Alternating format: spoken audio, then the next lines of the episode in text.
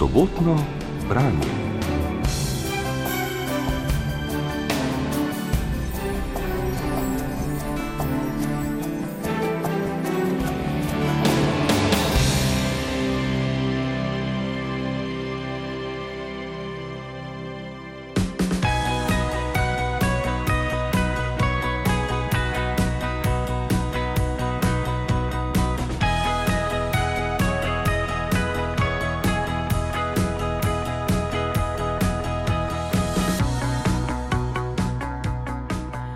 Dejan Pušenjak je novinar, novinar po razmišljanju in gledanju v svet. Ima e-mail in iPhone, vendar želi nazaj na Nokijo na tipke, nima Twitterja, Facebooka, Instagrama stalno živi s štirimi ženskami, psičko in psom, beleži njegov profil, zapisano v knjigi Retrovizor, ki jo je napisal. V njej pripoveduje zgodbe svojega otroštva, odraščanja in zapisuje kolektivni spomin, ta bi v prepišnem času družbenih sprememb v marsičem sicer ostal pozabljen. Spremembe so pljusknile tudi v medijski, njem znani časopisni svet. Dejan razkriva ozadja teh sprememb knjigo Retrovizor išla je pri založbi Pivec, sestavljajo spomini, zgodbe, poklicne pa tudi docela osebne. Pod naslov retrovizorja je dnevni gospodinca, saj ga vsakdanje življenje postavlja v to vlogo. Skozi pripoved sledimo njegovemu razmišljanju, ki je mogoče za marsikoga nostalgično, a hkrati iskreno in prepričljivo. Vem, kako je bilo, saj sem bil tam, je ena od njegovih misli in dodaja. Zdi se mi, da je bilo včasih manj lačnih in nesrečnih, oziroma vem, da je danes preveč lačnih in nesrečnih.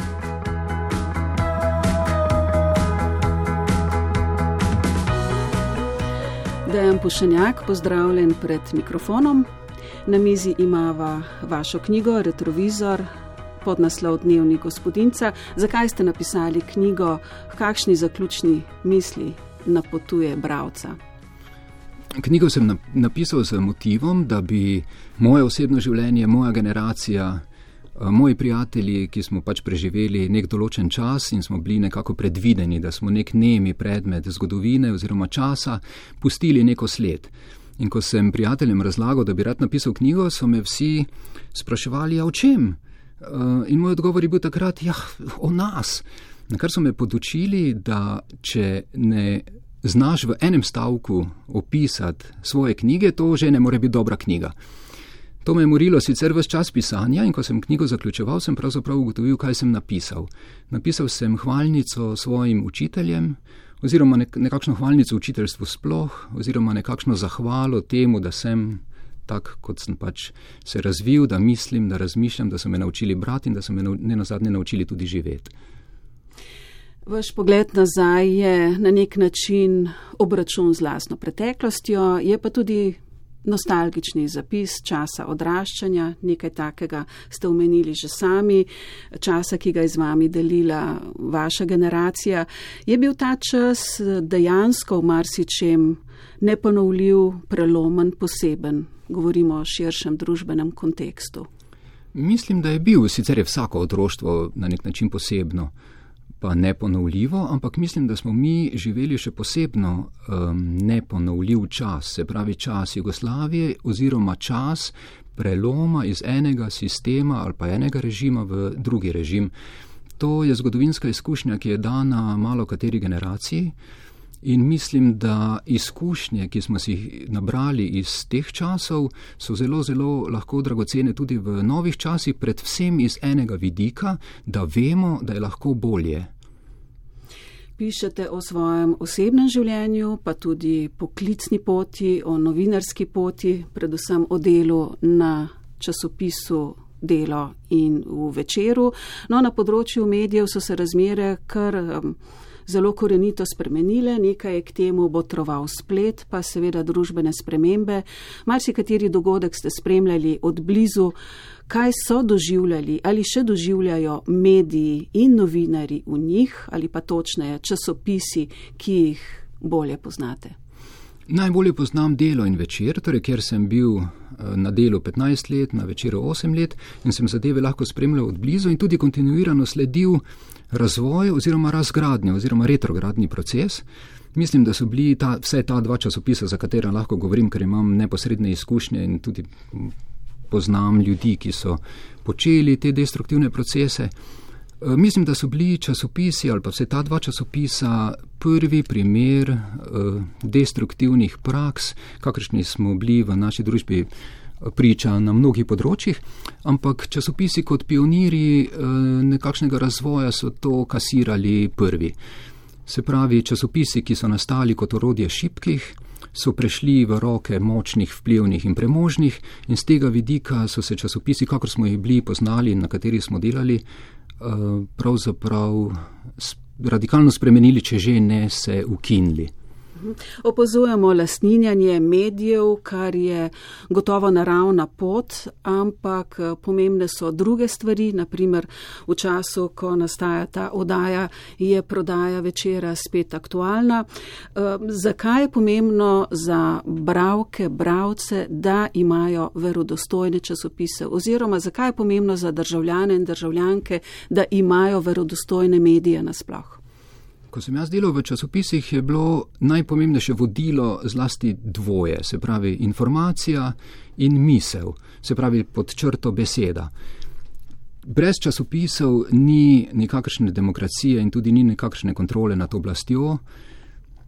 In časopisi pravzaprav, eh, kako bi rekel, kultivirajo tudi tiste, ki jim vladajo. Zdaj, če imaš na oblasti modre voditelje, se tega zavedajo in so jim časopisi v pomoč in korist, tudi kadar pljuvajo po njih. Če imaš pa militantne analfabete na oblasti, pa skušajo časopise uničiti, ker jih dojemajo kot sovražnike in to mislim, da se nam dogaja.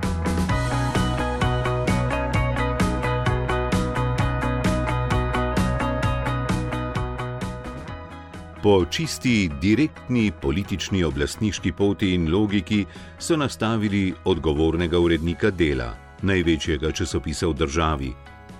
Če se takega si nisem znal predstavljati niti v hudi mori. Stari so nam govorili, da se je tako delalo v propadlih, hudih komunističnih časih, pa še to ne prav dolgo. Zdaj novim časom rečejo drugače, lepše, delajo pa po najslabšem starem. Čudno, zlasti če vedo, da to vodi v propad. Kaj pa če morda prav zato? Kakor se je tedaj zgodilo pri delu, se bo kmalo razplamtelo po vsej državi kot požar.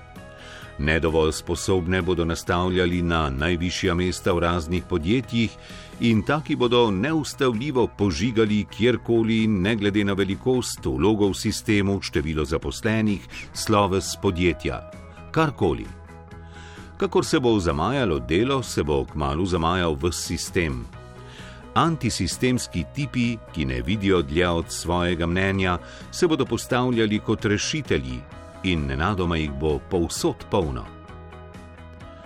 A ta obrat, ta laž na debelo zavita v bleščeči papir z žigom odličnosti, socialna promocija no-name tipov za družbeno elito, zahteva po spoštovanju ne glede na sposobnosti, pač pa le glede na položaj, bo še vedno le triumf gole propagande, za njo pa praznina. Ko sem to gledal, se mi je reklamirano dejanje novega reda zdelo kot dejansko vsestransko uničevanje. Zdelo se mi je, da tipi, ki na veliko sesuvajo in razstavljajo sistem, ogrožajo mir. Kaj lahko naredim?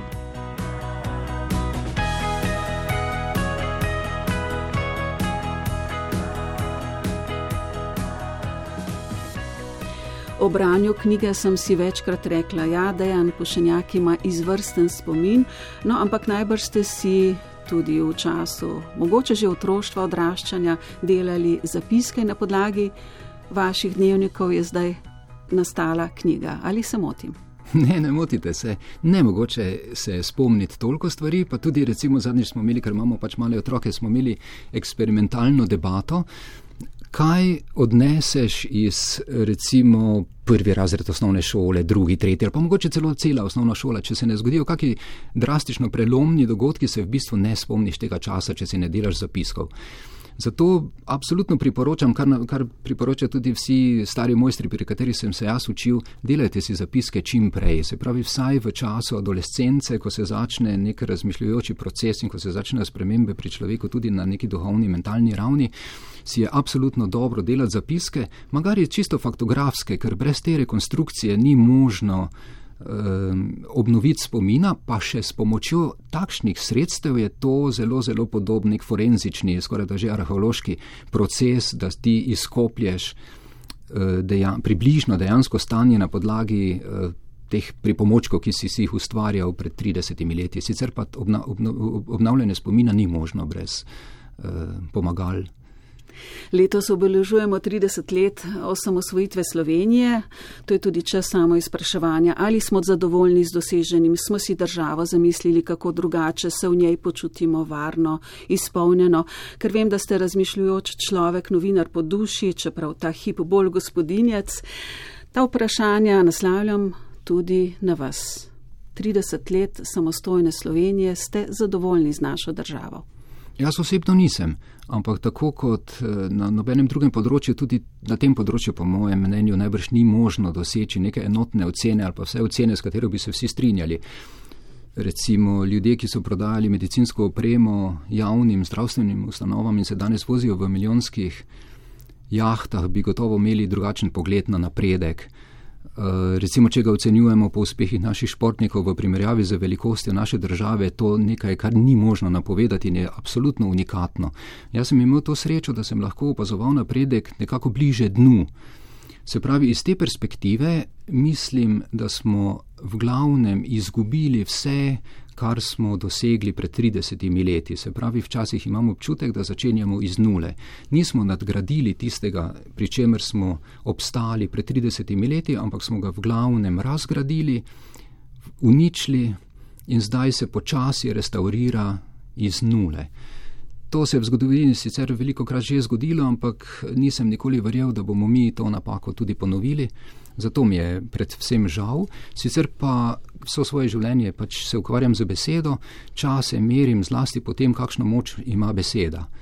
Se pravi, pred 30 leti je nesporno dejstvo, da je imela beseda in tudi besedna oziroma komunikacijska kultura absolutno večjo moč, večjo vrednost in tudi prijaznejša, kako bi rekel, sredstvo za medsebojno povezovanje ljudi.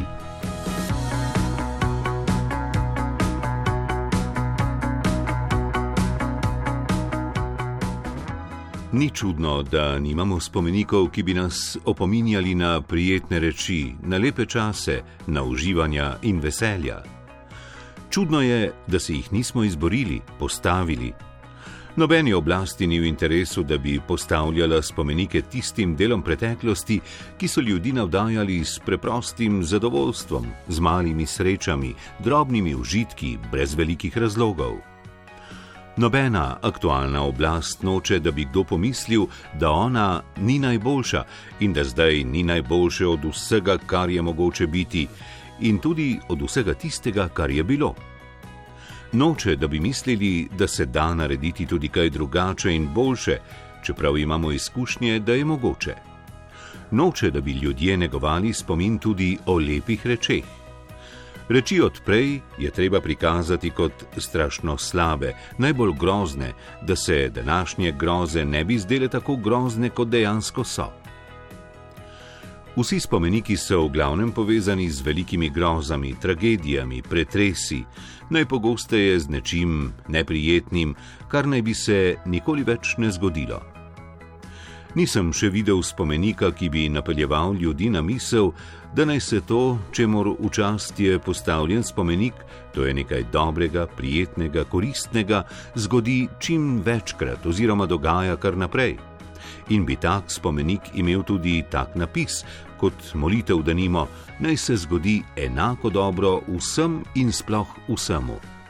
Pa še Douglasu Adamsu bi se s tem rahlo priklonili. Ampak enkrat, enkrat bo nekdo postavil tak, recimo, mu spomenik vsemu dobremu, ali morda spomenik vsemu lepemu, ali morda hvaležni za vse prijetno. En tak prima spomenik. V resnici nobel spomenik, ne morda po velikosti čevljev ali rok in strunnosti kipa, ampak po razsežnostih spominjanja.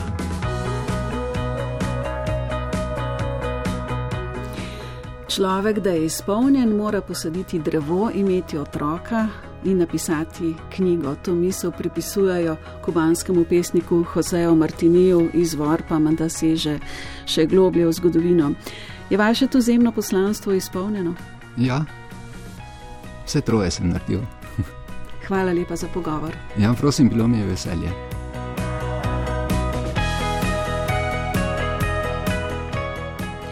Poslušali ste oddajo Sobotno branje, v kateri smo predstavili knjigo Retrovizor.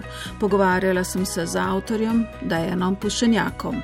Odlomke je bral Jure Franko, tonska realizacija Vjekoslav Mikes, oddajo sem pripravila Darja Groznik.